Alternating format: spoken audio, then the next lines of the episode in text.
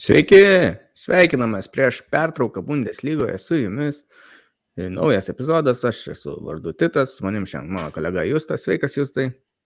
Labas, Titai, sveiki klausytojai. Turim nemažą kiekį naujienų, kai kurios yra truputį pasenusios, nes aš sudarinėjau tokį sąrašą žiemos perėjimų transferų, e, pirkinių Bundeslygoje arba tų, kurie išvyko, nuomos pagrindais arba pirkti, parduoti. Žodžiu, tokių visokių daug pokyčių, kuriuos buvom truputį ir pražiopsoję gal anksčiau. Tai jie gali būti kelių savaičių senumo kai kurie, bet na, dauguma tiesiog buvo nefiguravę spaudoje labai, ar mes nebuvom paminėję, tai jau apie tokius kaip Petekas ar kur jau kalbėjom, nekalbėsim, bet visus kitus daugmaž svarbesnius dabar aš paminėsiu. Ir tą patį padariau ir naujienlaiškyje, kurį galite rasti Patreonė, kuris yra ne apie Bundę vardu, o apie Bayern vardu. Ir, ir, ir, ir ne visus minėsiu, kuriuos ten surašiau, nes yra kai kurie ir ten mažesnių klubų, netokie įdomus, bet jeigu jau ten e, pasižiūrėtumėt, tai matytumėt kur kas daugiau. Tai tada einu prie svarbiausių. O svarbiausia yra tokie, kad Davidas Raumas šį sezoną suspindęs Hoffenheime, gavęs šansą rinktinėje, ten irgi neblogai pasirodęs, jisai nusprendė pratesti dabartinę savo sutartį turimą Hoffenheime, kuris šiaip jau buvo ne, ir taip iki 25 metų, ją nusprendė dar metam pratesti iki 26 metų. Ir turbūt tai buvo daroma su tuo tikslu, kad jam truputį padidino algą ir kad yra įdėta kalbama, aišku, mes nežinom, tų sutarčių negalim matyti, bet kalbama, kad yra įdėta ir išpirkos suma jau. Ir ta išpirkos suma yra, na, sakoma irgi, kad siekia ne mažiau 30 milijonų, tai visai neblogas uždarbis šviestus jau Hoffenheimui. Dar vienas didelis transferas įvyko, tik tai jisai, na, kaip pasakyti, buvo dabar pasirašytas, o įvyks vasarą, nes žaidėjų dar liko pusę metų, tai iranietis Sardaras Azmuonas, Azmuan e, vasarą perskels nemokamai į Leverkuseno Bayerį, perskels penkiems metams bus sutartis, tai čia visai toks neblogas papildymas, jisai Rusijoje e, septynis kartus pasižymėjo, e, keturis kartus atliko rezultatyvų perdavimą, Ir turbūt gali būti visai neblogas e, papildymas, jis yra atakuojančio plano žaidėjas, gali žaisti po polėjų arba gali žaisti kaip polėjas. Ir aišku, Bayeris turi Patriką Šiką, bet e, čia galbūt toks yra ir apsidraudimas, jeigu kažkas e, iš stambesnių žaidėjų taikytųsi Patriką Šiką, sakykime, arba jisai netgi puikiai tiks ir kaip pakaitinis, nes kalbama, jog ir dabartinis tas atsarginis, sakykime, polėjas Alarijo, jisai na, labai mažai begauna laiko žaisti ir gali irgi išvykti, tai būtų tada vietoj jo ateičiai. Apskritai, tas žaidėjas šiaip vasarą Apie jį daug buvo kalbų, kad jie ten norėjo, man pamenu, į Romą, ir liktais Lionas pasim metu buvo labai įtaikysis, gal ir Tottenhamas. E, esmė, kad tokia, gal pats didžiausias privalumas tai, kad jis yra universalus palijas. Ir Leverkusenai, kaip minėjai, įsikausia Lerio pakeis, kad bus atsarginis Šikui, arba kai Šikas negalės žaisti, tikriausiai žaisti jo pozicijai.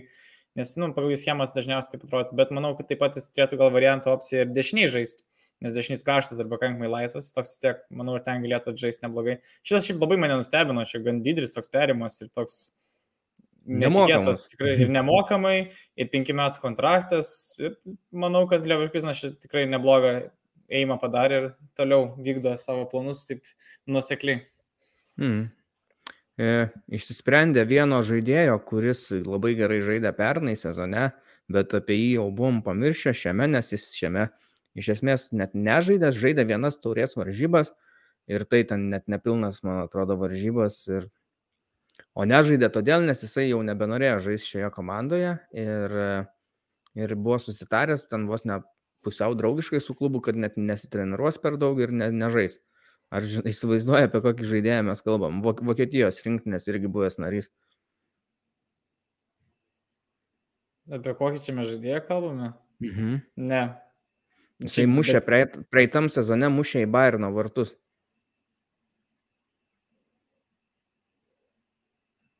Aš mm. įsivaizduoju, kad daugelis netgi galėjo manyti, kad jis jau išvykęs buvo visą šį pusę sezono, kuri praėjo, bet jis nebuvo išvykęs ir tai yra Amino Jonesas. A jo, Aminas Jonesas. Jau. Aha. Aš net praleidau, jisgi buvo išnuomotas iš Napolio. Jisai iš Napolio. Į Frankfurtą, bet jo nuomos sutartis buvo dabar iki sausio ten maždaug, man rodos. Arba Mhm. jie kažkaip susitarė, bet esmė, kad jisai buvo vis laik dabar Eintrachte, bet jis nenorėjo žaisti. Ir, jis, ir Mhm. jisai nėra toks senas, dabar bijau smalo, bet jam gal kokie 28 metai maždaug. Mhm. Na, tarsi 30 tai tikrai nėra, 28-27. Ir jisai sakė, kad nusprendė, kad ai jau jam tie sportiniai interesai nebe tokie svarbu, svarbus ir jisai nori užsidirbti normaliai. Ir jisai išvyko į Saudo Arabiją Al Etifah klubą. Ir Eintraktas, aišku, iš to didelės naudos kažkokios negaus, nes tai ne Eintraktui priklausęs yra žaidėjas, o Neapoliui.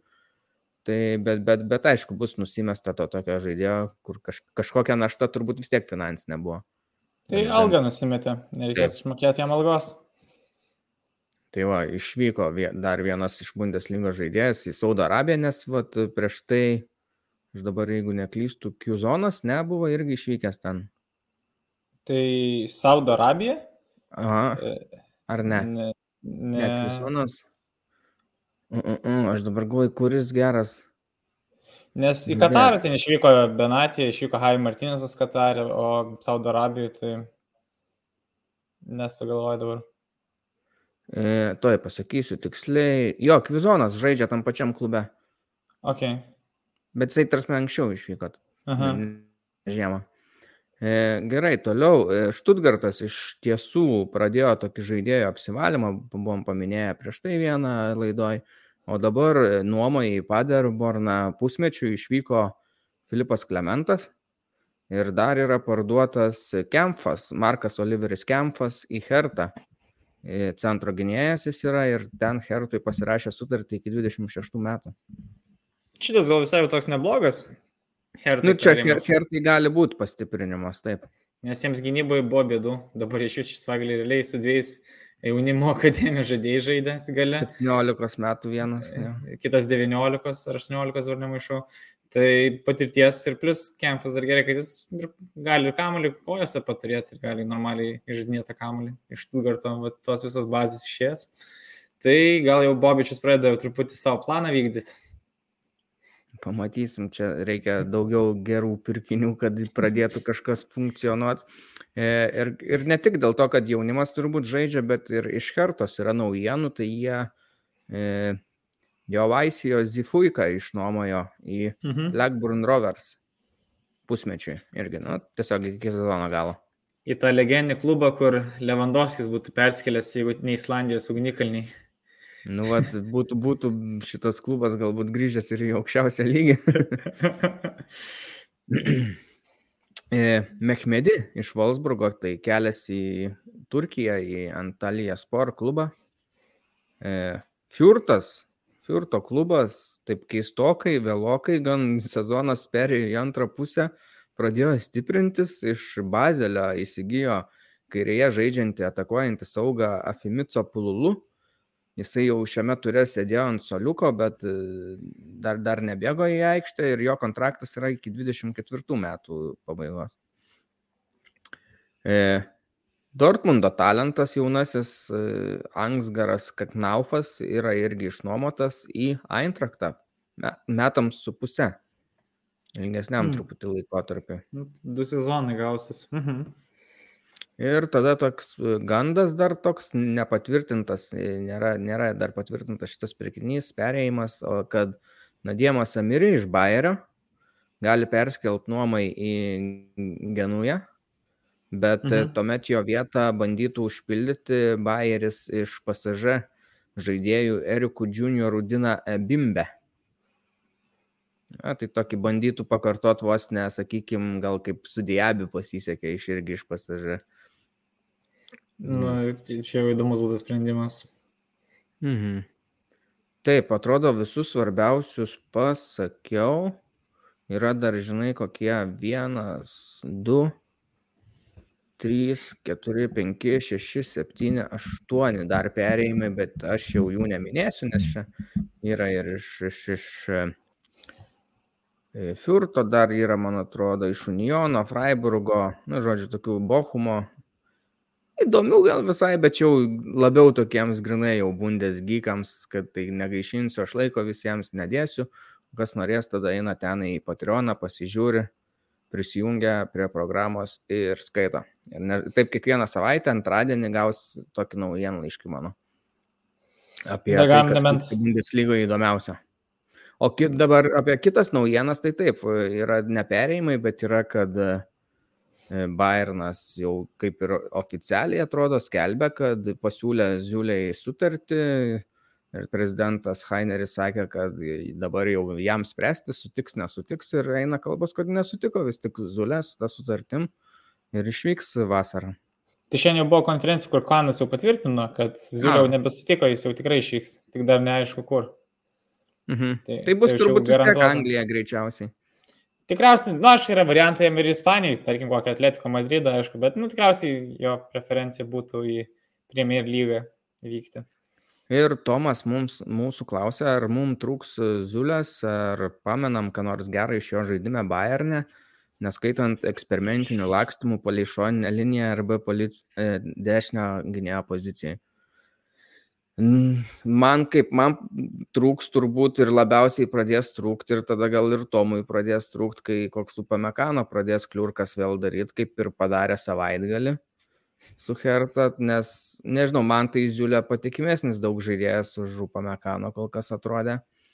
Aš suprantu, kad kai jau žaidėjas nenori būti ir nori išeiti, tai viso gero ir sėkmės jam nereikia čia nieko, bet, bet, bet, bet jisai buvo geras gynėjas mano galva ir kartais pernelyg gal kritikos daug susilaukdavo dėl savo žaidimo, nes jisai nepaisant savo dydžio, jis buvo gan greitas labai.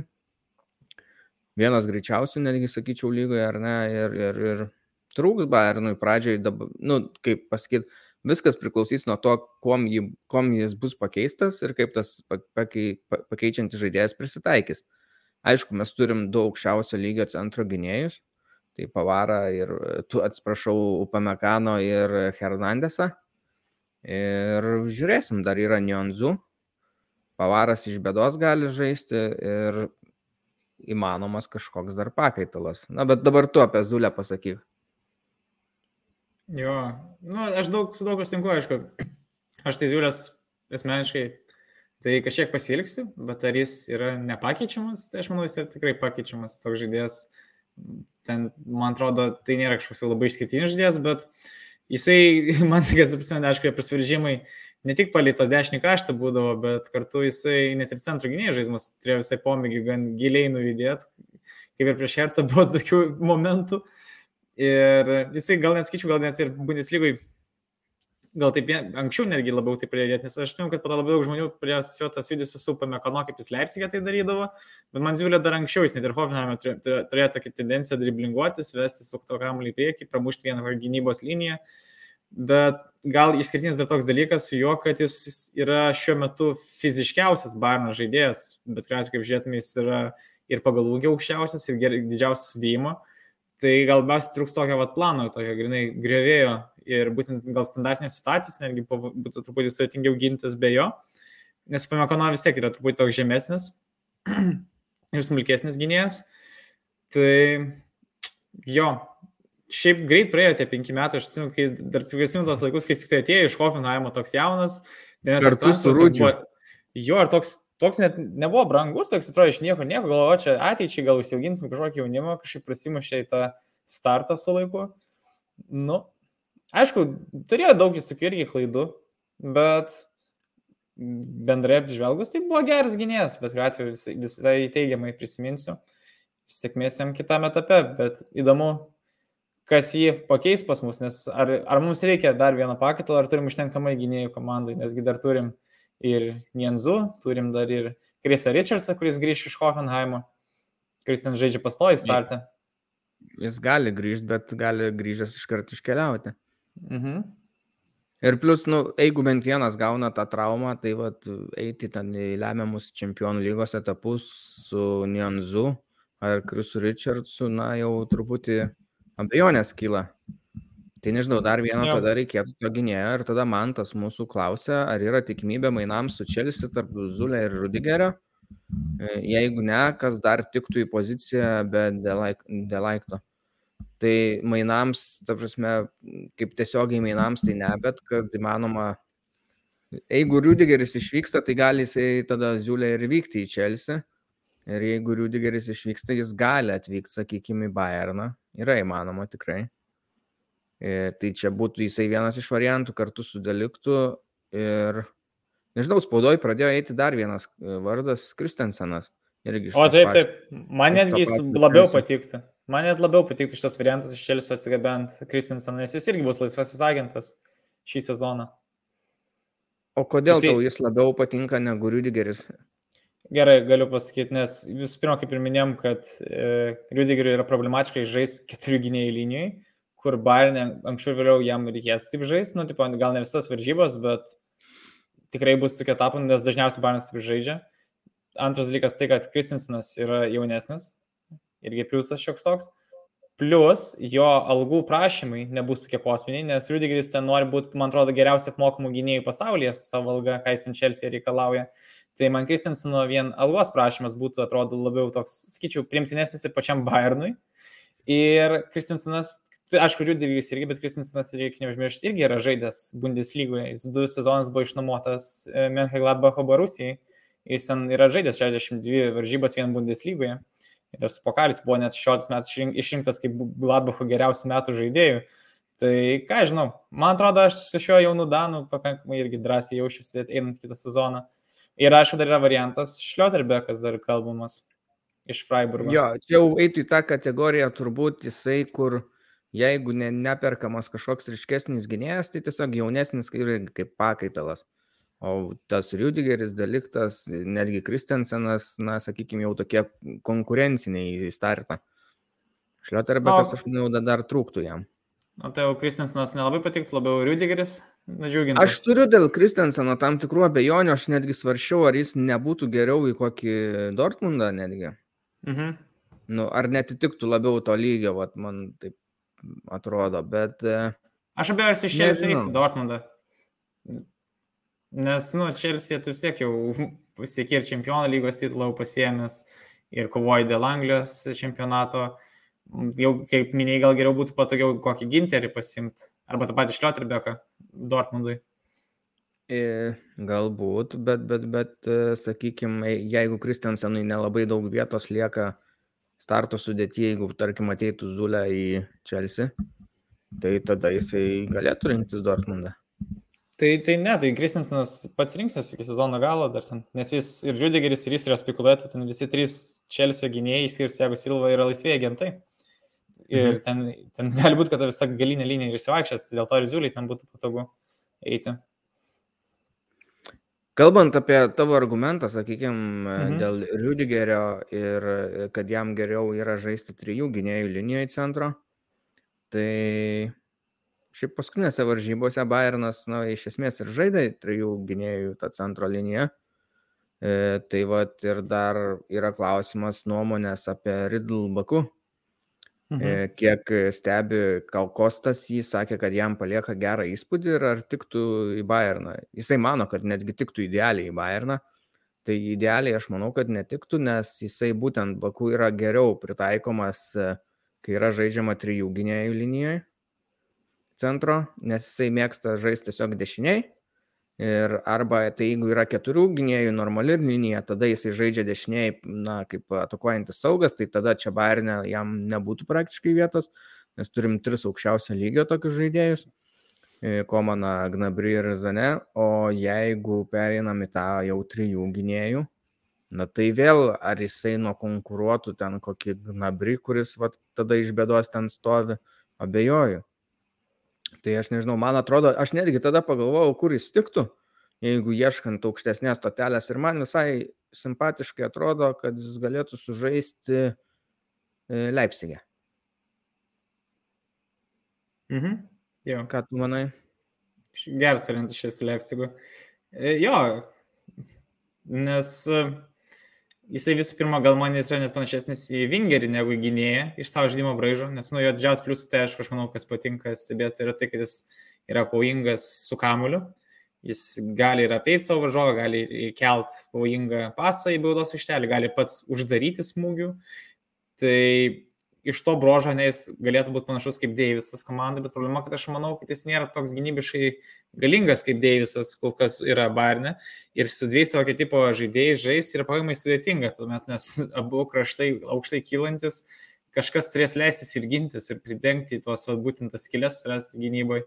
Um, tai jo, tas minus, o jeigu žaidžiant su tais krašto saugais, net trijų gynėjų linijoje, aš tai manau, jis galėtų visai pakonkuruoti su Gnabriu, tokio, nes labiau, kur gal jis ir šiek tiek ir turėtų daugiau tų gynybinių įgūdžių negu Gnabrius. Na, bet tada atsiranda visą dalyką, ta prasme, ką, ką daryti Barnius su trejais vingerio žaidėjais, krašto žaidėjais, kai sistemui tada nelieka vingerių. Ir aš manau, va čia dabar šitas varžybose prieš Hertą Barną. Tada jau su keturiais, nes jeigu jisai ateina. Ja. Nes prieš Hertą, tai jo, galima čia eksperimentuoti, ten trys gynėjus, tai ir ten krašto saugai bus komandas ir Gnabry, kas, nu, šiaip prieš galingas komandas tikriausiai toks nepaitų dalykas. Bet prieš silpnesnės komandas, jo, aišku, ten jas galima užversti pakankamai tiesiog daugeliu įvarčių.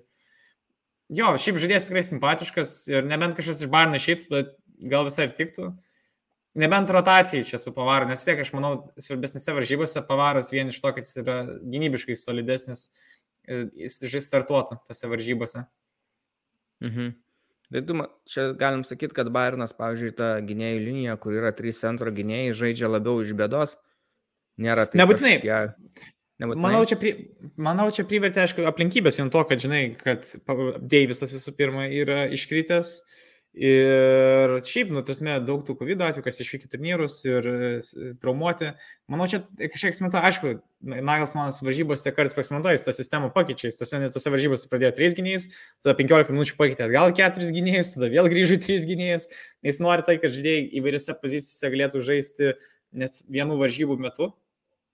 Ir aš manau, kad ta tendencija niekur nedings, tikrai taip darys ir jam reikės universalių žaidėjų.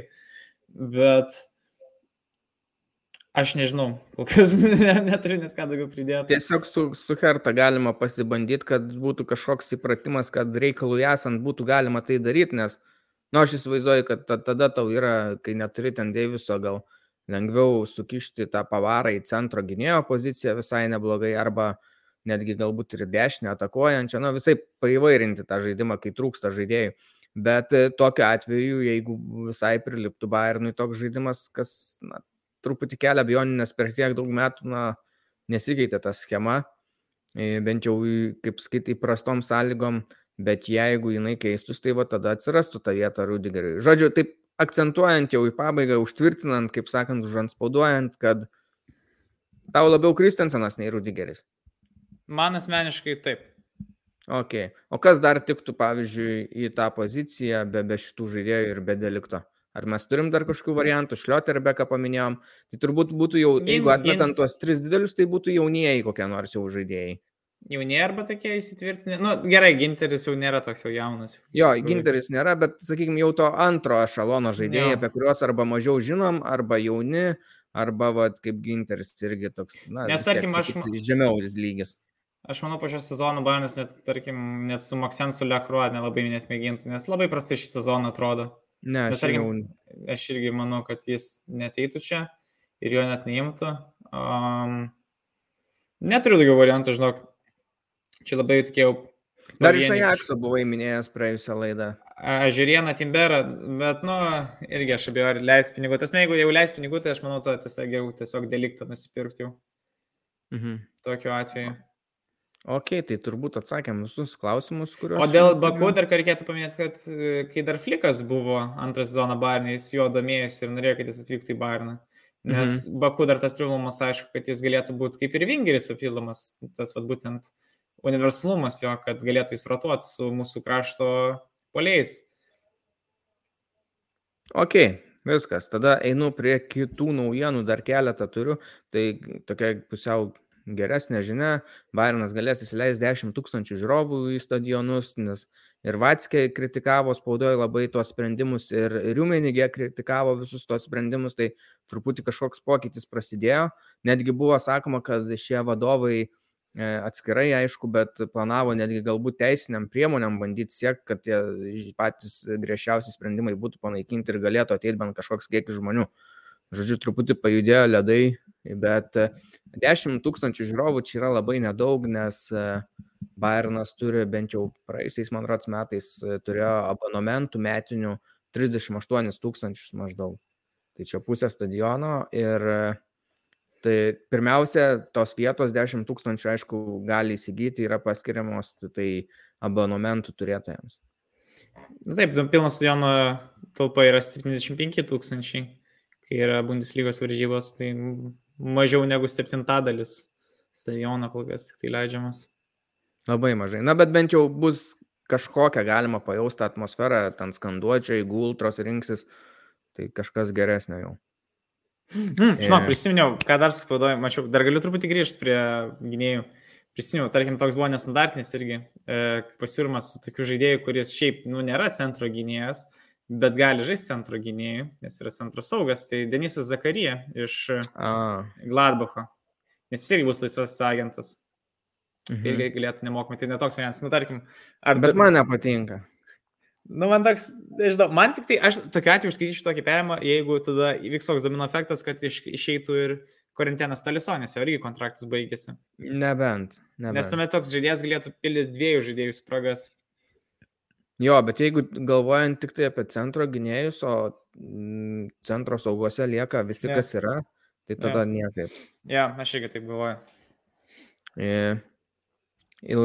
Su Kielnu, tu minėjai, kad ten gali būti, kad trūksta tų kepurių, žinok, pasirodo tiesa, nes tapo perkiamiausia prekė ir sakė ten ir vadovai, ir visi sakė, nėra matę tokio atvejo, kad e, kažkuri prekė taptų perkamesnė už marškinėlius, ypač marškinėlius, kurie yra karnavalui skirti, nes Kielnas ten, na, skiria tam karnavalui vykstančiam mieste daug dėmesio ir būna specialūs marškinėliai išleidžiami kokie nors. Matėjai ir šiemet turbūt, ar yeah, ne? Mačiau. Tai būtent su tais marškinėliais modestai ir atėmė, man atrodo, kepurę Baumgartui. Mm. Tai va, ir šiaip būna gražus visai tie marškinėliai dažniausiai. Ir sako, ta kepurė muša tos rekordus ir jos jau praktiškai sunku yra užsisakyti. Tai, tai fenomenas tikrai bus. Ir kitos žinios iš Kielno, kad e, ilgametis e, Kielno vartininkas Timo Hornas nebebus pagrindinių vartininkų, bent jau kol kas jau viešai Stefanas Baumgartas patvirtino, kad e, šiuo metu pagrindinis bus jau Švabė. Mhm. Tai va. Bet sakė, kad pakalbėjo treneris su Timo Hornu ir kad žaidėjas lyg ir suprato jį, nėra, kad kažkoks bent jau pykščio išreikšto. Uh, ir kad prie, priemė normaliai tą sprendimą ir, na, tokia bus konkurencija kažkokia ir kad tai nebūtinai turi būti iki sezono galo, bet pasirinkimai dabar tokie, aišku, iš dalies tai ir suprantama, nes, na, tu grįžti po traumos, tu sirgai, na, yra tų priežasčių, kodėl taip ir turi būti, man tik tai šiaip keistai atrodo, kad jie taip viešai apie tai kalbėjo. Mhm.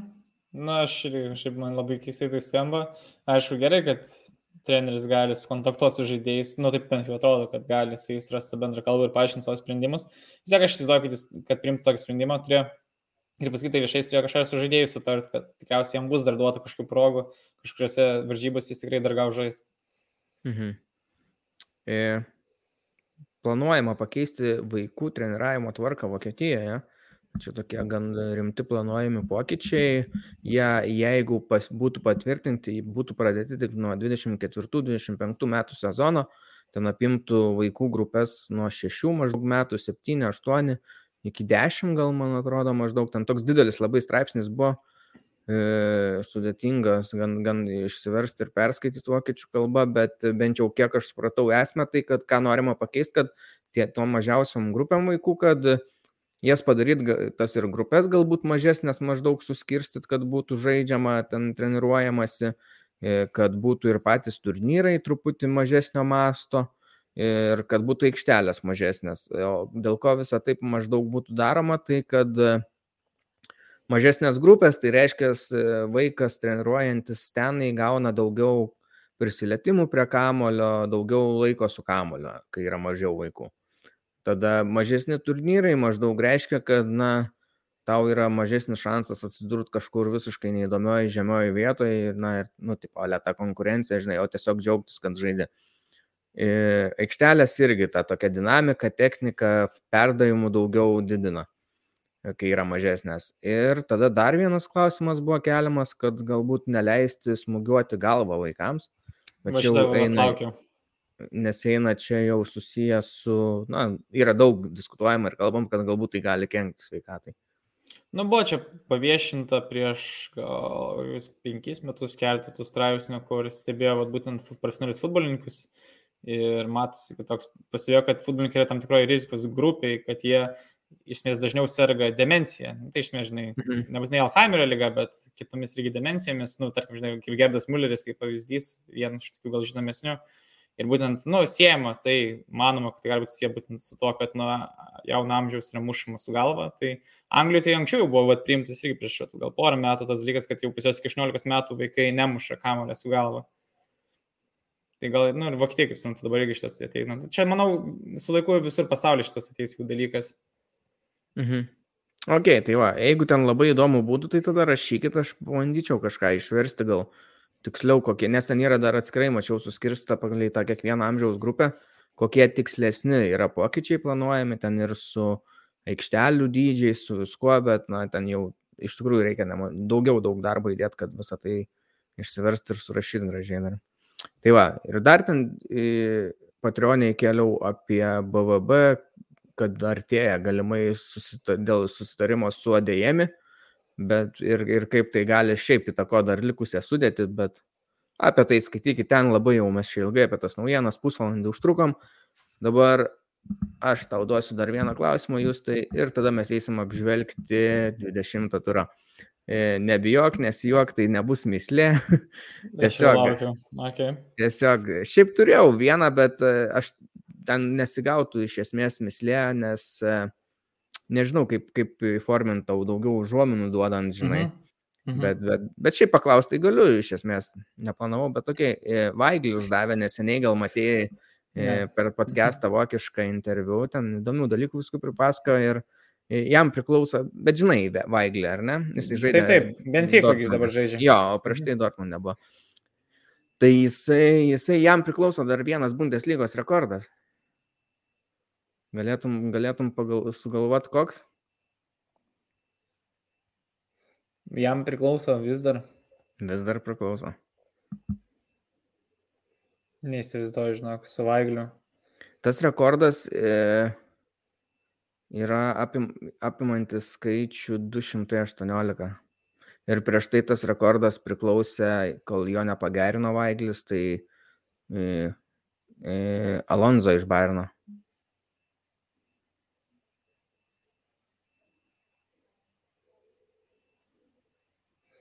Hmm. Mhm. Čia su varžybų skaičiumi kažkas sieja, ne? Nežinau. Nežinai. 218. Mhm.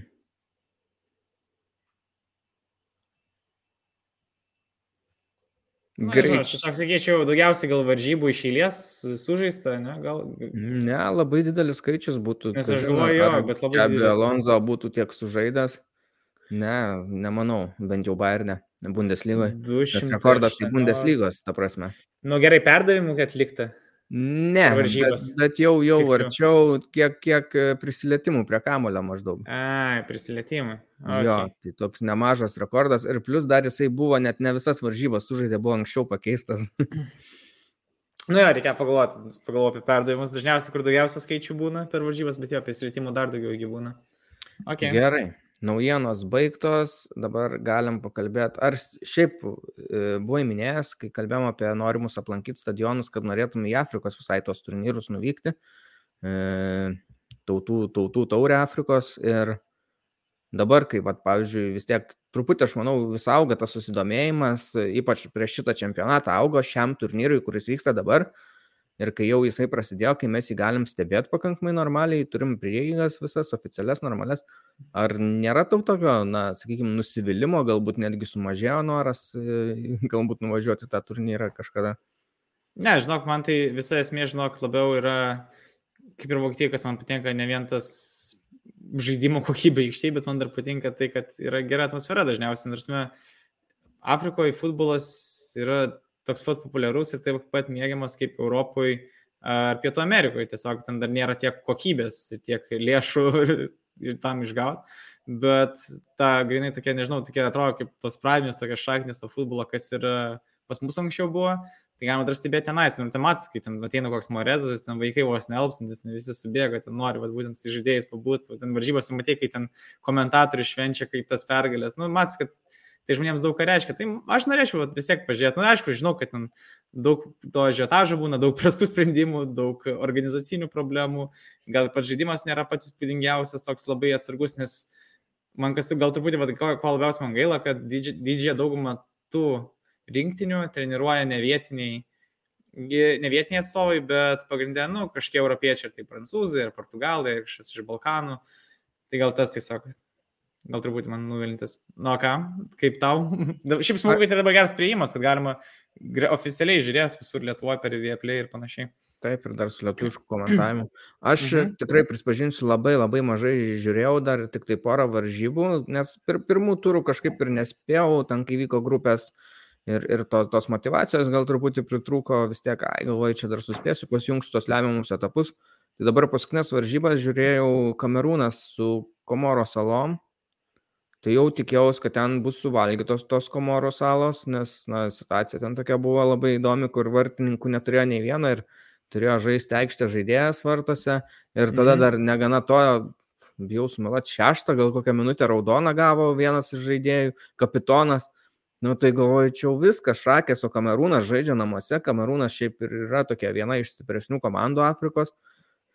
Joje žaidžia ir mūsų mėgstama šiopo motingas, bet nieko, tas lygis buvo baisus žaidimo, man tiesiog aš labai pikau ir man tai buvo neįdomu. Iš pradžių buvo įdomu, nes tokį tą smūgį, kai atliko vieną, tai buvo toks silpnas ir prastas ir vis tiek įmušė, nu galvoju, jeigu čia tokius šaudės, tai primuš bet kamerūniečiai iš vis neparodė klasės, stumdė kamuolį, nežinojo kaip prieiti ir labai daug savanaudiškų tokių asmeninių veiksmų, kur galėtų su komanda sužaidę pasiekti geresnį atrodo rezultatą, bet to nepadaro. Aišku, yra, aš suprantu, tų priežasčių daug, čia vidury sezono vyksta pagrindinis Afrikos turnyras, tai nežinau, reikėtų gal bandyti e, vasarą taip kažkaip susireguliuoti, galbūt pakeisti metus, kad nesudibuliuotų su Europos čempionatu ar ne. Nesidubliuotų šiaip, šiais, šiais metais gal dėl to, kad atkelti jie buvo. Ar dabar, ai nors gal jie abu buvo atkelti, aš buvau atmaišausi. Nes Europos nu, čempionatas buvo atkeltas. Europos buvo. Bet ir Afrikos, man atrodo, kad buvo, nes aš dabar galvoju, kad emblemui 21 metai, man atrodo, kad šviečia, jeigu gerai pamenu. Nu, bet 20 turėtų būti, jeigu nebūtų atkeltas. Nesmė, bet, bet, mhm. bet jo, nu, tas COVID čia viską maišo. O šiaip, tarsi, istoriškai, iš kadangi anksčiau nestebėdavau, jisai vykdavo vasarą? Ne, jis žiemą vyksta, žinai, čia pagrindė ta pati priežastis, kodėl Katarė pasaulio čempionatas irgi žiemą. Tiesiog orai karšta. Nu, bet dalis... manoma, tai parė vyko. E, jo, bet ten matai pietų pusrutulyje. Tai ten vasara, mhm. ten, ten, tas ne pietų pusrutulė, kai pas mus būna vasara, pas jos būna taip vadinama ta žiema, tuo metu, tai dėl to, tai dėl to pietų Afrikoje galima vykdyti realiai vasarą. Nu tai tada tiesiog visada kokybė bus abejotina, nes atvyksta žaidėjai vidury sezono pavargę ir tarpų nėra nei prieš, nei po realiai ir nieko gero. Nu, bet... Na, problematiška, yra problematiška, bet pamatysime, skau, čia, čia galim dar... pri preview, kas laukia mūsų su pasaulio čempionatu. Visas dar ta problema, apie ką jūs kalbate, kad žaidėjai negauna pasiruošti, ten jie atvyksta, jie jo. mažai treniruojasi kartu, mažai kontrolinių varžybų, o tai su pasaulio čempionatu taip ir bus, ten bus savaitė, vyks sezonai, savaitę gaus palsėti ir visi važiuoja į Katarą žais pasaulio čempionatą. Tai aš manau, kad irgi nukentės ten kokybė tikrai rinktinių. Mhm. Gerai, tai o turi mėgstamą palaikomą komandą? Aišku, palaikau Barno žaidėjus, kaip tik turime čia pamatingą Kamerūnę ir Bonasarą Senegalę. Šiaip, sakyčiau, man visada gerus prisiminimus turi Ganos komanda, turiu su ją daug gerų prisiminimų, ypač nuo to 2010 pasaulio čempionato, kurie buvo toliausiai nužengę iki ketvirtinalio, tai aš visada, jeigu yra galimybė, tai juos palaikau, aišku, idėja jau jie iškrito, Bet jo, man, skaičiau, Gana man labiausiai prieš širdies ten komanda. O šiaip mm. su čia pamatingu, ten yra, nežinau, ar tu matai, bet jis ten kaip centro saugas žaidžia, aštuntų numerių, kaip gorės. Jo, jo, jo. Ten, Nes jie ten... turi ja, lyderį polėję, kur daug įvarčių muša. Tai, tai toks kosmosas, tai va, tikiuosi, pažiūrėsim, Nagelsmanas, Nagelsmanui patinka universalų žaidėjai. Ne, šiaip, ką matau, tai nepatinka man ten. Tada netgi atrodo, nu, man netgi tokia mintis kilo, kad, nu, čia pamotinga iš tikrųjų Bairno visa likusi komanda taip iškelias tais jo įvarčiais į viršų labai. Nu, tai čia tikrai būna Saras irgi ten įdomi žaidžia de, dešinių vingerių iš esmės. Senegalo rinktinė. Bet tai nėra labai neįprasta nu, jam pozicija, jisai e, Prancūzijoje taip žaisdavo. Ir Banė kartais pažaisdavo, jeigu reikėdavo trumpam. Ja. Ja. Ok, tai turbūt tiek dabar apie Afriką, dar ten yra likę ir keletas kitų žaidėjų iš kitų komandų Bundeslygos. Tapsoba šiaip pat yra iš Bayerio, labai svarbus klubų žaidėjas, bet dar tęsia kovas tenai. Ir Haidara iš Leipzigo irgi yra. O, o, buvo ir daugiau, dar buvo Bensibainė ir Žyrė.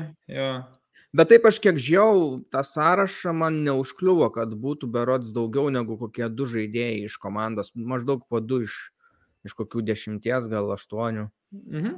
Ir dar iš kai kurių po vieną buvo, bet, bet dabar neatsimenu, 12 ar 13 klubų gal kažkur tam išsiuntė tos žaidėjus. Grįžo vat, bent sebainį jau vat, į Gladbachą, nes iškrito jo komanda. Pala, aš dar noriu pasitikrinti dėl vieną žaidėją. Aš galvoju, o Kosunu nežaidžia už Dramulio kaulo krantą, jis nėra ten kažkur ant suolo pasadintas. O iš to dabar nepasakysiu. Jo, ant suolo yra, va dabar pažiūrėjau. Jo, tai aš manau, čia bairiui, biški, čia daugiausia problemų atsirado bairiui, nes du gynėjai išvyko Tapsova ir Kusinu vis dar tęsia kovas. Jo, bet bairis, bairis smarkiai to dar nepajautė, nes paskutiniam turė žaidė su Augsburgu, tai čia taip dar galima išsiversti, sakant. Bet O dėl ko dabar kitas, da, ateinantį dabar savaitgalį nebus Bundeslygos, tai aišku yra ir Afrikos tas turnyras, bet ir atrankos bus ir Pietų Amerikoje. Ir pas jų, pavyzdžiui, dabar centro gynėjų žaidė ir Hinsapė, tai ir jisai išvyks tenai į Ekvadorą žaisti. Tai vad, jeigu nebūtų pertraukos, va tada būtų tikrai bėda jiems. Dar išvyktų ir šiaip Alarijo, išvyktų dar ten kažkas galbūt. Reikėtų Polius Benderius arba Dragovičių prisikviestas gal kaip nors. tai va, ar, ar Unysas išvyktų irgi? Mhm. Tai Palacijosas, e, ten dar Paulinio. Nu, gal Paulinio, gal ne, gal nekvies į Braziliją. Jis sirgo dabar, man rodos, bet jo.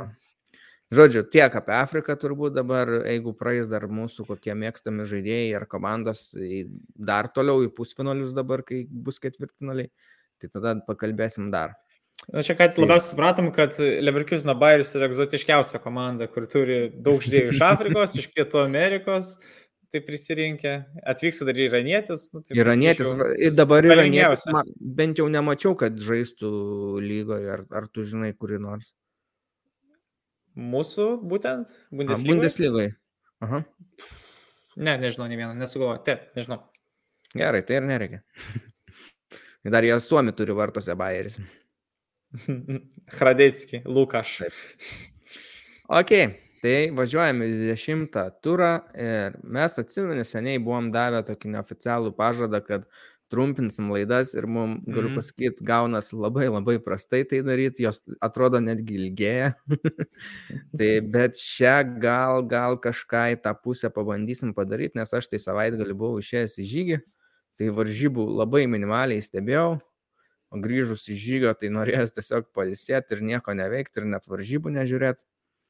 Tai aš pažiūrėjau šį savaitgalį tik dvi varžybas ir jau taip sutapo, kad Bayernas žaidė sekmadienį, tai pažiūrėjau Bayerną sekmadienį grįžęs ir pažiūrėjau penktadienį ne pačią galbūt man įdomiausią dvikovą Eintraktas su Arminija. O koks buvo tavo varžybų planas savaitgalį? Na, aš irgi pažiūrėjau Antriktas Arminė, pradėjau taip. Ir žinok, man tai visai patiko tos varžybos, galiu tiek pasakyti. A, tai rezultatas buvo labai net netikėtas, bet... Man tai, žinok, bet, okay. man tai nusėmė, bet šiaip žaidimas įdomi atrodė. Tuomet e, sekmanį, šeštadienį viską praleidau, tą, tą masę, pažiūrėjau paprastai, o sekmanį prižiūrėjau dar visas varžybas, tai pažiūrėjau Leipzigą su Wolfsburgu, vis dėlto pažiūrėjau mhm. du didžiuosius grandus, kaip jiems ten sekasi atsigauti ir tuomet, aišku, Bairnas su Herta. Na, šeštadienį iš tikrųjų buvo pora gerų varžybų, kurias būtų buvę visai įdomu. Oi, tai ten, taigi Hoffenheimas kaip žaidė su Dortmundu. Su Dortmundu, va čia buvo centrinis mačas turbūt. E, ir, ir Unionas Gladbachą kaip įveikė, nu ten buvo gerų varžybų. Kielnas. Būtent kur, šitos dvi varžybos. Kielnų tas krumodestis, tas įvartis buvo irgi prieš, prieš Bochumą, tai taip jis gerai permetė vartininką. Kainzas atliko nu, jam rezultatyvų perdavimą. Nu, Nu jo, šiaip Gerai, pradedam. daug įvykių. bet gerai. Pradedam gal tada nuo tų, kur matėm varžybų, tai yra penktadienį, davai įmam Eintraktas yeah. su Arminija. Eintraktas pralaimėjo 0-2. Čia netikėtas rezultatas ir Arminija staigiai sumušė savo įvarčius. Penktą minutę Vimeris įkalė, 27 Šopfas. Šopfas. Ir, ir, ir nežinau, man tai sakyti, tau keistas vaizdas buvo, tai va aš pabandysiu pasakyti, kas man šiek tiek keistai atrodė ir pažiūrėsim, ar sutampa. Man tai keistai atrodė, bent jau toj pirmoji rungtinių pusėje, kai, kai prasileidinėjo Eintraktas, kad jie buvo truputį užspausti ir ten tiek daug žaidėjų grūdosi baudos aikštelė arba prie baudos aikštelės Eintrakto būtent žaidėjų ir jie per tą savo pačių košę patys, na, nebesusi, kaip pasakyti, nebesusikomunikuodavo, ką daryti. Ir per, per tai ir krito įvarčiai. Tai Šiaip va, man tai... tas krito labai. Kaip? Gerai, tai tas, tas, tas. Nu tai tas pirmas įvartis, dar plus man, aš kaip pamatau pas Eintraktą, kad yra tu, Chandleris, tai man iš karto kažkaip Eintrakto vaibas nusimuša į apačią, nu taip jau, ne, galvoju, jau šiandien gali nieko gero nebūti. Nu yra kurat, karo, čia pirmas įvartis, e, Chandleris, aišku, ten, aš jo nekaltinu, bet jisai figuravo jame, jisai apsigynė nuo vieno gynėjo, išmušė iš jo kamuolį, bet iškart kamuolys prie kito polėjo Arminijos ir jisai jau įkalė tą įvarčiuką. Nu ką padarys. Aš sakau, jisai ten nėra tiesiogiai kaltas, bet, bet, bet tiesiog, vat, matau įvarčio situaciją, matau Chandlerį. Gerai, o ką tu apie Eintrakto polimą galėtum pasakyti iš to varžybų? Nu tai jisai atsirado tada, kai jau turėjo du įvarčius. Ta Bet- galėčiau bet- pasakyti.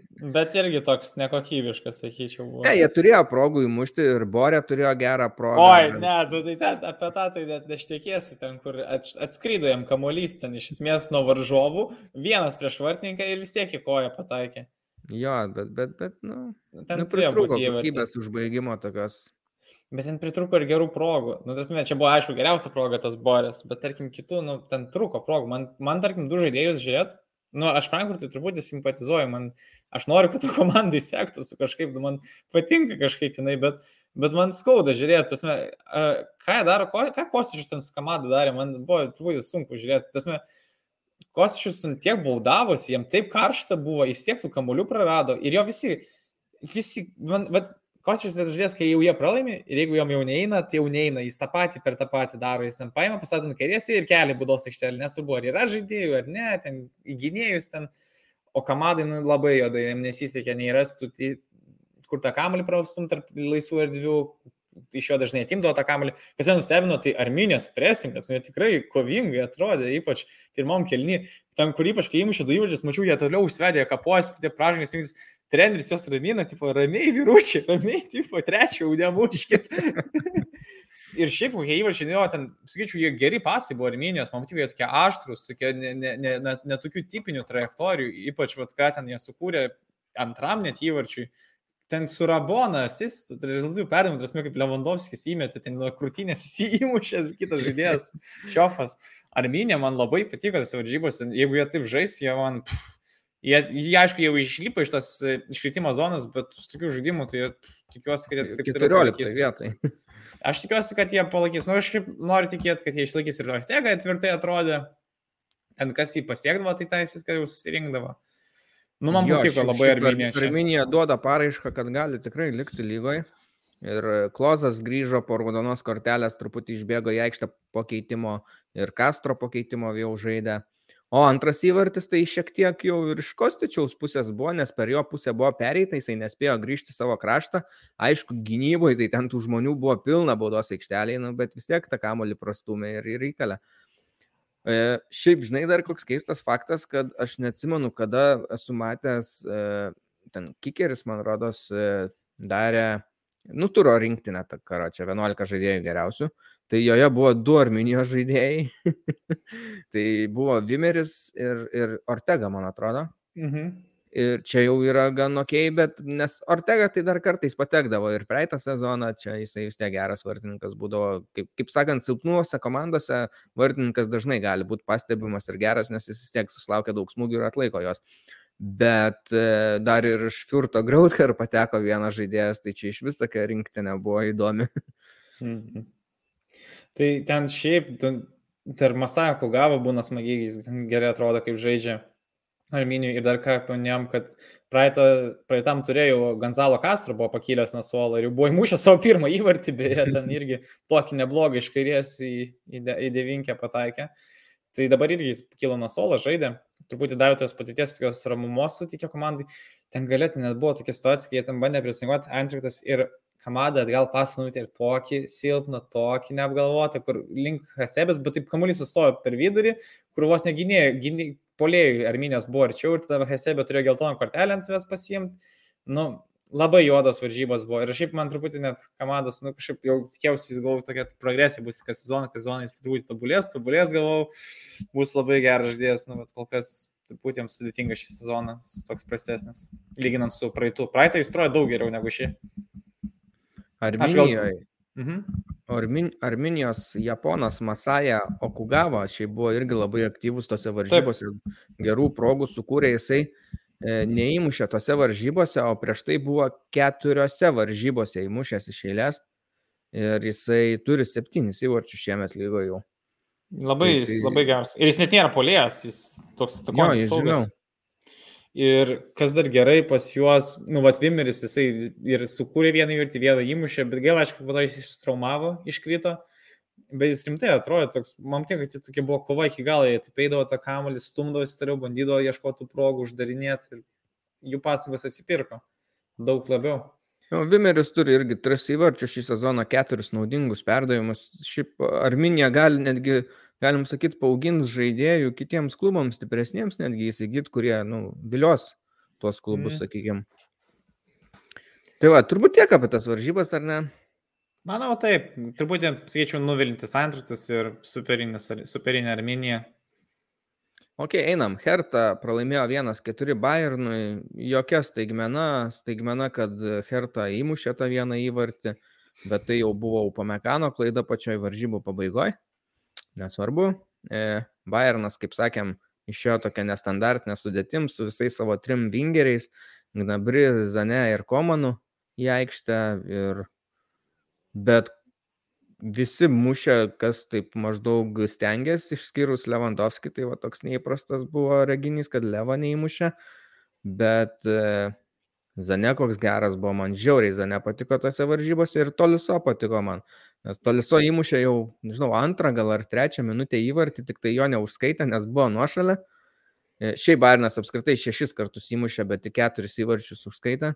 Tai čia tą pirmą neužskaitė ir atrodė, nu, okei, okay, jūs šią antrą, trečią minutę taip pat, jeigu darot jau, tai čia galvoju bus. Nu, bet teko palaukti to, to vis dėlto tikrojo užskaityto pirmo įvarčio ir tik 25 minutę vėl tolisto įkalė tokį gerą su galva, bet krisdamas palei žemę, tai gražiai atrodė, Komanas jam gerai užkelė tenai. O po to, nu, prasidėjo da, dar vienas įvartis, buvo antras tas irgi kos, kosminis, sakyčiau, kur Kimichas užkėlė Mülleriui į baudos aikštelę iš standartinės situacijos ir kur atrodė, kad what the fuck, kas ten, Zane pradėjo bėgti link kamulio, kad jisai kels bet jis net neprabėgo, tik sustojo šalia. Ir tada Kimikas kelia, o tenai buvo visi, nu, ne visi, du kokie trys gal žaidėjai išbėgė į priekį labai, kad ale nuošaliai yra. Ir tada jie staigiai grįžo atgal ir tada išbėgo Mülleris. Ir atrodo, kad net Hertos žaidėjai kai kurie ir pasimetė toj situacijai, mhm. nes nu, galvoja, kad čia bus nuošalė ar kažkas ir nebe taip gal stengiasi, nu, psichologiškai kažkaip pakriko ir Mülleris išbėgęs įkalę tai vertė. Bet man įdomu, va, to tokiuose situacijose, kur yra ta riba tarp pasi, pasyvios nuošalės. Pasinuošalė tai turėtų trukdyti vartininkui. Jeigu nu, jie būtų šalia vartininko arba blokuotų vaizdą kaip nors. Žodžiu, arčiau turėtų būti ir trukdyti, ar ne? Jo, jo, jeigu taip jie tiesiog išbėga, tai jie netrukdo vartininkui. Mm. Tai čia viskas gerai, čia yra tiesiog labai gerai įžaista standartinė situacija. Nu, tai čia tada taktiškai labai. Müllerio standartinis statusas visada, jeigu dalyvauja kažkaip, nu tai kažkiek kosmosas ten vyksta visada. Tarsi, jeigu jis kažkur ten tik tai sudalyvaus, nu tai kažkas bus netikėto, tikrai galima tikėtis kažką naujo pamatyti. Ir jis įdomi, pirmų lėtimų uždarė gražiai su kulniuku, taip ir taip lietai tas kamuliukas ėjo link to krašto, bet jau vartininkas neturėjo šansų. Čia su Mülleriu galim panaudoti visai kitos lygos tą tokį kaip ir šūkį, pasakymą, tikėkis netikėto. jo, nes... Tai va, A, Herta antram kelnyje iš karto išsileido keturis naujus žaidėjus, bandė pakeisti įvykių eigą, sakykime, bet mm, nieko gero. Zane įmušė labai gražų įvartį, kaip pasakyti, graž, gražiai atėmė kamolį. Vartininkas suklydo Hertos e, pafasuodamas e, gynėjui gan toli esančiam iš šoną, kai Bayernas tuo metu realiai juos spaudžia. Ok, ten buvo gan tolokai Zane, bet jis kaip pradėjo bėgti dar prieš, fos, prieš perdodant vartininkui perdavimą, taip jis ir atbėgo, pasėmė tą kamuolį ir įmušė. Nu. E, bet, bet, bet po to Herta, kai savo įmušė, tai galim sakyti, kad atsiteisė už tą, nes Upamekano tada atsisukęs e, Noeriui bandė perduoti kamuolį ir nusėmė. Per silpnai, per silpnai. Labai per silpnai, jo vietičius nusėmė, bet pataikė į Noerį, kamuolys atšoko ir tada e Ekelenkam pasimušė savo pirmąjį įvartį. Tai va. Gaila, aš taip duok, duok savo įspūdžių apie tas varžybas. Atsiprašau, ne pirmą, trečią įvartį mušė jisai. Mhm. Jo, tai Barnas, kaip kalbėjom prieš tai, žaidė čia trejais gynėjais pradėjo, neturėjom Hernandesą, e, Ziulę ir Pavarą. Tai va, tai Pavaro noras išsipildė pažaisti centro gynėjų. Du tokius centro saugus turėjom gerus, Toliso ir Kimicha. Kimichas smagu grįžo į centrą žaisti. Ir tuomet turėjom įdomi tie, vat, prieki keturi žaidėjai, vat, ne, kaip jūs dėstė, buvo komandas Zane, Mülleris ir Gnabry. Zane labiau judėjo į kairę pusę iš centro, Mülleris labiau į dešinę. Ir labai taip gražiai paskirsti. Ir jie čia, Nailas man išmetė tą problemą kairiai pusė, kad neturėjom Deiviso ir Hernandesas vis tiek nėra toks geras polime gynėjas kaip gynyboje. Tai būtent turėdami ten komandą ir Zane, tai kairėje pilnai tai užteko to potencialo pult. To lisotai iš vis turėjo tokią laisvą rolę visur bėgioti, ir jis dar turėjo ne tik, kad ne vieną užskaitė įvartį, vieną įvartį, bet jis dar turėjo dar vieną labai gerą progą irgi. Jis realiai ten galėjo hetriką susimušti per tas varžybas anksčiau negu Lewandowskis net smūgį kokį atliko. tai būna tų varžybų, aš jau būna tokių varžybų, kur jeigu jau visi muša, tai jau tikriausiai Lewandowskis jau nemuš tose varžybose, nu, tiesiog taip ateina kažkaip užkeikta. Bet, ką žinau, na, šiaip Nabri buvo sudėtingos varžybos iš pradžių, jis labai daug, jam nepavyko ar atlikti tą perdavimą paskutinio, arba uždarytų progų, bet galiausiai jis atsivežė ir savo įvartį. Man labai patiko, kaip komentatorius net juokaudo sakė, kad Gnabris tikriausiai savo virimo įrankius namie paliko šiandien. bet įmušė savo tą ketvirtą įvartį. Bet įmušė. Varžybų. Įmušė. Jo, ten dar galėjo Lewandowski iškišti, bet įmušė pats jau ir, ir, ir tu turi vieną įvartį savo lažybų sąskaitą. Kaip ir tu turi vieną. Taip. Vienas vienas kol kas. Taip. Man atrodo, aš... kad nei vienas nelaimėsim. Pažiūrėsime dar. Diabis. Silvas iš jų irgi nemušė. Bet Diabis tris įkalė. Nu ir ką, jis galvoja daugiau čia primuš. Manau, kad primuš. yeah. Šiaip pat gražus buvo dar tas Dane įvartis neįskaitytas buvo, kur toks Robenas liko, ne ant jo gimtadienio, iš kairės tokį prasuko į tolimą pusę. Net gaila, į ranką pataikė savo, pasidėjo savo patogiau kamalį, neužskaitė. O po varžybų? A, nu, sakyk. Ir, ką žinau, Hertha turėjo kažkiek keltą progų, bet esmė jie buvo visiškai uždaryti. Kaip rotas vidutinės pozicijas, kur žaidėjai stovėjo, tai visi banų žaidėjai net polėjai stovėjo vidutiniškai varžovų pusiai ir Noris net nestovėdavo baudos aikštelį savo, jis kažkur jau arčiau vidurio eidavo. Nu, tai, tai ir parodo. Apšilti žmogui reikia. Nu, čia buvo labai vienpusės varžybos. Nu jo, Herta turėjo kažkiek tų kontrų progų, bet jie neturėjo tokių gerų smūgių. Niekada nebuvo apie tai, kad ne. laimėtų varžybas ten tiesiog. Ne. Ne. Tikrai ir dar ne.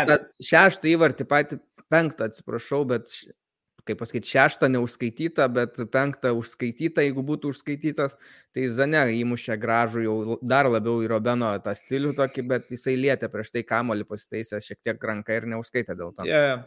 Minėjau, o po varžybų tai šiaip jau Nagelsmanas davė velnių pamekano, nes netiesiogiai pavardė buvo nepaminėta, bet labai aiškiai nukreipta į jį, nes e, sakė, kam reikia spirt kamolį taip tiesiai, Tai jeigu tu esi ten tokio, tokio svorio, greitas žaidėjas, tai pasivaryk kamolį dar metrą ir žiūrėk, ką daryti, nes žinai, kad vartininkas yra spaudžiamas ir tam bla bla bla. Ir Noiris, Noiriui irgi yra svarbu išlaikyti varžybose sausus vartus, tai reiktų galbūt visiems dėl to labiau pasistengti. Nu tai akivaizdu, kam tai skirta buvo. Na jo, aišku, ten problema buvo, kad jis buvo tik atėjęs po keitimo, jis ten nieko neapšylęs, ten tikriausiai daug nepamastęs, atmestinai atliko tą pasą ir gavosi kaip gavosi. Gerai, kad Gerai. Tai nieko nelėmė. Tu sakei, jog stebėjai kitas varžybas Leipzigas su Wolfsburgu. Tai mes labai ilgai netisatsknam, greit, greit ir pabaigsim šią laidą, nes jau valandą įrašinėjom maždaug. Leipzigas laimėjo 2-0 prieš Wolfsburgą. Ir Wolfsburgas yra neįtikėtinojo blogumo formoje. Ir... neįtikėtino blogumo. Gal, o gal galim tą formą tiesiog pavadinti šalkę kaip nors, arba nežinau. Nu, dar ne, bet aš dar palauksiu. Gerai. Tai va, tu stebėjai tas varžybas, tu ir papasakok. Taip. Aš galiu pasakyti, kad šitose varžybose atėjus, nu galvau, žinai, Leipzigas, tik galvoju, žinai, vieną įvarčių kokį laimės, nu buvo 1-0, nes aš labai bijau, ar Wolfsburgas šeimų šį vartį, aš labai bijau, ar Leipzigas sugebės mušti labai daug. Ir, nu, buvo nuobodžios varžybos šitą žiūrint, galiu tiek pasakyti, labai truko progų, nors gerai, Wolfsburgas čia jau atrodė geriau negu kurie atrodė, tarkim, prieš Hertą. Jie čia turėjo daugiau tokių prošvaišių, tarkim, bet Gulašė, nu, jie ten kažkiek kartų išbandė, bet Gulašė su visko susitvarkė kol Leipzigas, man atrodo, vos nenusižaidė iki jų lygio, kur labai ilgą laiką jiems, nu, neėjo kurti progų irgi. Tai po truputį, na, bet aišku, vis tiek matėsi, Leipzigas turėjo kontrolę, jie kontroliavo varžybų tempą, jie turėjo vis tiek daugiau progų ir jie turėjo daugiau kokybiškesnių progų. Tas galiausiai ir išsibaigė tai, kad jie įmušė du tos įvarčius. Jiems vienas buvo irgi anuliuotas įvartis, Orbanas buvo ten įmušęs, bet buvo jisai, dabar galvoju, kas buvo, jis nenuošaliai buvo tuo metu, kai jam pirmą mušį įvartį. Jisai Po to antrą tai galiausiai nu, tokį jau sugrūdo, nu toks įvartis, nu visiškai tikrai nestetiškas, ten po kampi, net ne po kampinio, ten pirmas buvo po kampinio, šitas tai buvo, nepamenu, ten po, free, po būdos smūgio kažkaip atsiko tas stacija, kai jis grinai prie varto atsidūrė, tiesiog su galva uždarė tą progą. Antras įvartis jau buvo šiek tiek geresnis, jinai Joško Gvardiolas jau buvo pravestas ir jisai atsidūrė vienas prieš vartininką ir tada tokį visai galingą smūgį smėgė su savo kairė koja. Tai šiuose varžybose, kaip sakant, du įvarčius įmušė Leipzigo gynėjai ir iš tokių nu, netipinių situacijų. Bet tikrai, nors laimėjo Leipzigas 2-0, aš pagirtina, aišku, kad jie susirenka visus taškus toliau, jie dabar net yra šešti lygoj, jie jau artėja prie savo tikslo čempionų lygos vietų ir aš manau, kad jie užtikrintai jas grįž anksčiau ir vėliau, net ir su tokiu žaidimu. Bet jis, nu, sakyčiau, buvo toks silpnesnis lyginant su tai, kaip jie anksčiau atrodė, bet, nu, nenuostabu, vis tiek Vosburgo žaidėjai vis tiek yra aukštesnės kokybės negu su kuo jis susidurdavo praeitose varžybose. Tai viskas natūralu gal dėl to. Nu, visa esmė su Wolfsburgu bus kitos varžybos, manau, su Greuter Fjord. Jie dabar palisės per pertrauką. Ir aš tikiuosi, nu, jie jau ten turėtų pasimti savo tris taškus kaip nors. Jau, nu, jau reik, jiems labai reikėtų. Tai Wolfsburgė jau netgi prasidėjo kalbas, kad gal ir Vekhorstas jau išvykti norėtų.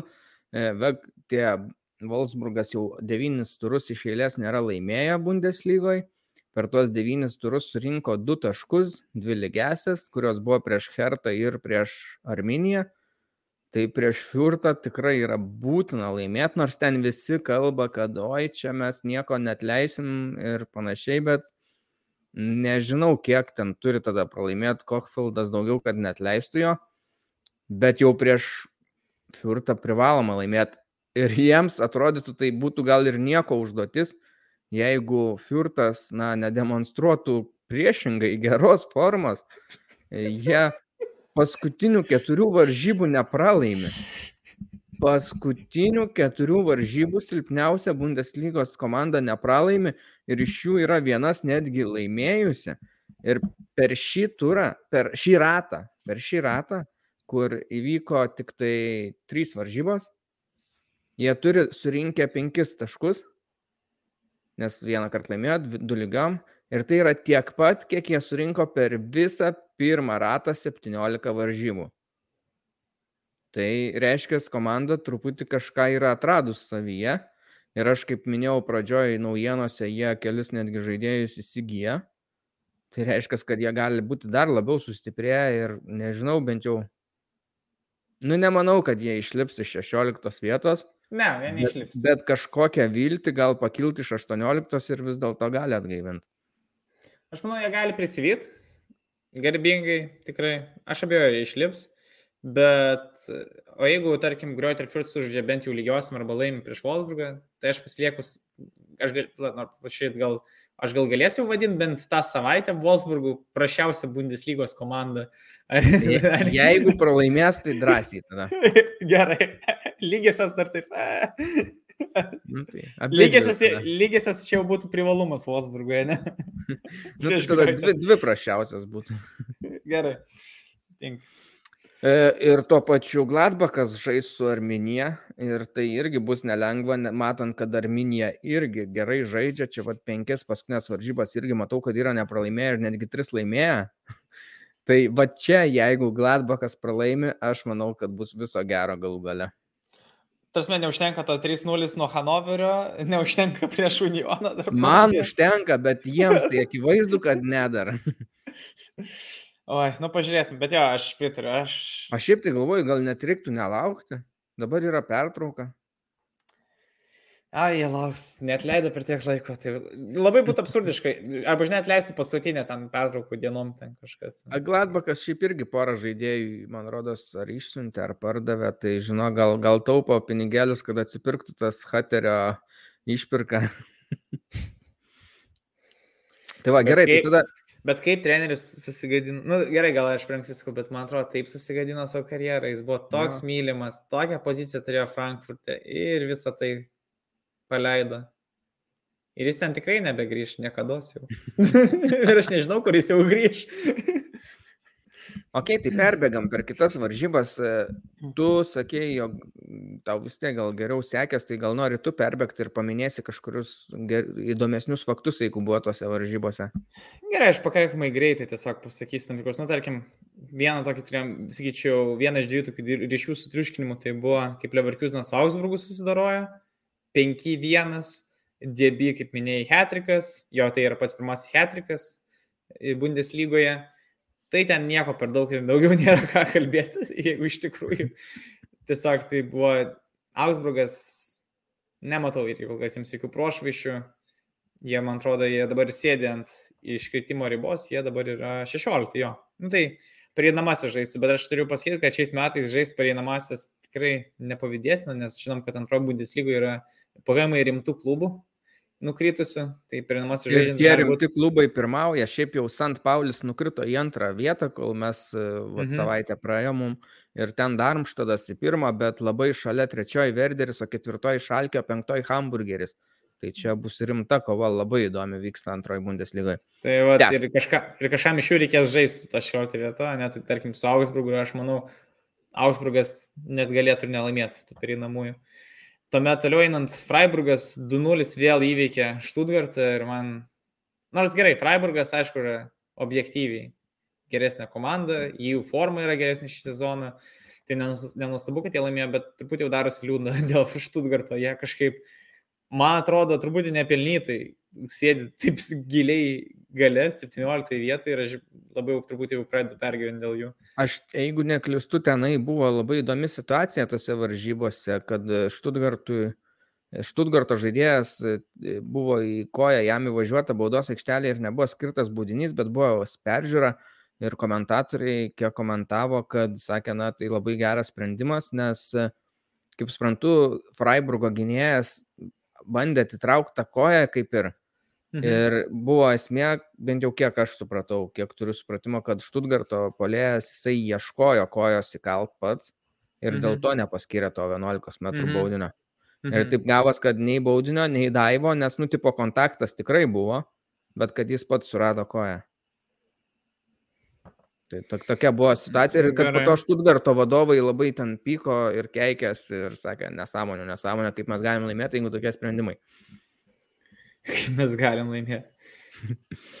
e, jo, ir šiaip, nu, jie turėjo tų progų kažkiek, jie buvo smūgiavę vartus, bet tokių didelių nelabai, nu, aišku, buvo, pagaliau, Kalaidžičių žaidžia ir Silas Mvumpa, ir jam jau buvo vėl pakabinta ant galvos kalaidžišiui, bet, nes, bet vartininkas susitvarkė už šį kartą su tavo užduotim. Tai kol kas jiems sudėtinga grįžti, aišku, po traumos suprantama, kad iš karto ritmo ne, ne, nepasieksi. Tai aš manau, čia galim per ilgai šitam nepristoti. Judam toliau, tai aišku, buvo kova tarp Groit ir Fjord ir Mainzo, kas tikrai rezultatas nustebino, kad Groit ir Fjord sugebėjo pasimti pergalę. 2-1 ir jie iš esmės 2-0 ilgą laiką pirmavo, tik tai galėjau per pridėtų laiką Karimas Vanisivo įmušė tą pirmą Mainzo įvartį, labiau garbės. Tai Mainzas truputį formą irgi, skaičiau, pakritus, jie pasi, nu, iš paskutinių penkių varžybų dvi laimėjo ir trys pralaimėjimai. Kas nėra jau per daug baisu kaip Mainzo komandai, bet gal mes jau įpratę prie labai aukštų Mainzo standartų, gal labiau tas mus išlepino, sakyčiau. Tuomet, sakyčiau, tikrai vienas įdomesnių rungtynių, kas stebėjo, gaila, aš negausi, bet tikrai buvo Hoffenheimas su Dortmundu. 2-3 ir ten, nors ir Dortmundas laimėjo 3-1, bet Hoffenheimas turėjo tiek gerų progų, labai daug gerų progų turėjo, bet arba Kiobelisas traukdavo, arba jie nesugebėdavo pakreipti į vartų plotą tų savo smūgių. Tiesme, matė kažką apie šias varžybas? Ne. Bet žinok, Ramaričiaus įvartis koks gerulis, man patiko, kaip jam užkėlė pirmo lėtimų iškart aukšto kamelį nukreipė į vartus. Tai čia buvo vat, po ilgos pertraukos Kramaričiaus įvartis.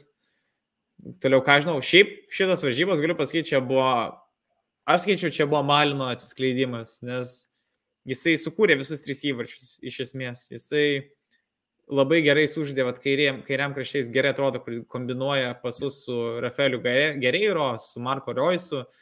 Jie sugeba vienas kitą ras ir jis mums tinka, kad jis be kamulio greitai bėga į tas pavojingas zonas, atgal priimta kamulį ir vėl įskirsti arba atlikti smūgį. Tai čia kol kas jo buvo geriausias varžybos, ne tas įvartis, kurį jie įsimušė Davidas Raumas savo į vartus, tai ten irgi buvo nuo Malino perdavimo. Tai jeigu jis taip toliau jaunuolis judės, tai sakyčiau, atsipirks Dortmundo investicija į jį. Bet šiaip kad ir 3-2 laimėjo Dortmundas, bet tikrai Hoffenheimas gali nenuleis galvų, nes jie... Man patinka, kad jie atsilieka, arba jie žaidžia lygios galo, jie tikrai toliau spaudžia, jie atrodo tą tokį žaidimą, kurį aš norėčiau, vat, kurią komandą palaikau, taip žaistų kaip Hoffenheimas, kur pastoviai siekia tos pergalės, rezultato, įvarčių ir jų tie keitimai visada būna proaktyvūs, nes jie nesistato, ne, ne, nekeičiant daug gynėjų, visada daug tų atakuojančio plano žaidėjų paleidžia ir bando lipdyti progų ir jie tikrai daug sukuria tų progų. Aišku, dar ne visas uždaro, nu, bet jų ta pozicija dabartinė septinta pagamai ir parodo, kad jie turi tikrai gerą sezoną šį. Lyginant su praeitų, kurie ten sėdėjo kažkur dugne, tai šis sezonas jau toks tikrai labai solidus. Ir paskutinį, ką noriu tik pasakyti, tai vad Bochumas su Kielnus uždė 2-2, irgi skaičiu gal šiek stebina, bet matas, kad tos silpnesnis komandas truputį atsigavusios, ne, kaip žinom, Greuterfurtas, Bochumas, gal vienintelis Augsburgas dar ne, neatsigavęs taip, nes Bochumas jau stabiliai irgi renkasi tos taškus, jie iš paskutinių penkių varžybų gal aišku, laimėjo tik tai vienas, vienas lygias, turėjo trys pralaimėjimai, bet, bet aišku, tai rimtus varžovus jie visai ir sugebėjo čia išsivesti tą tašką. Man čia labiausiai patiko, tai Anthony Modesti įvartis, tarsi, kas pažiūrėkit, kosmosas, kaip jis permetė tą vartininką. Žinai, kad yra netgi daina sukurta jam. Ne, yra daina? Yra daina, paklausyk e, YouTube'ai. Gerai, aš užsileisiu. Ir, ir netgi man pasakojo Rytis Višniauskas, kad jisai dartus ar žiūrėjo, ar komentavo, dabar nepasakysiu, bet ten kažkoks žaidėjas, kaip supratau, iš Kielno kilęs gal, ar Kielne žaidė. Ir kai jisai ėjo mėtyti strelyčių, tai užleido tą dainą ir, ten, ir buvo tie žodžiai būtent modest, modest, Anthony Modest. Geras. Pažiūrėk, yra. Gerai, aš surasiu, nes, nu, tikrai simpatiška šita komanda. Ir aš turbūt gal net tikėjausi, kad jie gal net ir laimės čia, nu, bet gerai ir Bochumas atsigavęs. Tai jo, nežinau, turi dar kažką pridėti, aš tai maždaug taip bendrai greit prabėgau pratūrą. Mm, manau, kad ne, tiesiog ką gal, gal, gal galima Ne, viskas. Galim pasakyti, kada grįšim, tai naujas e, turas bus tik vasario ketvirtą dieną. Taip. Tai čia bus, toj pasakysiu, kada galim tikėtis mūsų laidos naujos. Tai bus e, ne kita, o dar kitą savaitę. Tai maždaug e, nuo 8 dienos vasario iki kokios 11 kažkur tam tarpe. Ir, ir teisininkas sporto pas mus irgi ateis apie vasario vidurį, tai nežinau ar tą savaitę, ar dar po to kitą. Tai va tiek maždaug. Ir desertui aš jum turiu tokią nuotrauką. Tuoj pajungiu. Štai. Pažįstamas veikėjas Markusas Anfangas. Mhm. E, išmestas iš komandos už tai, kad galimai suklastojo savo skiepų pasą ir e, nors nebuvo pasiskiepijęs, dabar jau galima sakyti, jog nebėra žodžio galimai. Buvo įrodyta ir atrasta, kad jis tai padarė ir dabar turės sumokėti 20 tūkstančių eurų baudą ir metams negalės treniruoti maždaug komandos jokios. Štai tiek. čia tokia, ta tokia žinia ir pabaigsim podcastą. Deserčiukas čia. Deserčiukas, tai tiesiog tokį. okay. Ačiū, kad klausot, stebėkit mus YouTube, sekit Facebook FC Barin Lietuva, esam Spotify, Anchor, Apple Podcast ir jau praeitą kartą kėliau į Podbiną, tai dabar ištrinsiu tą laidą, kurią įkėliau ir kelsiu naują. Tai gero klausimo, ačiū Jums ir iki. Iki.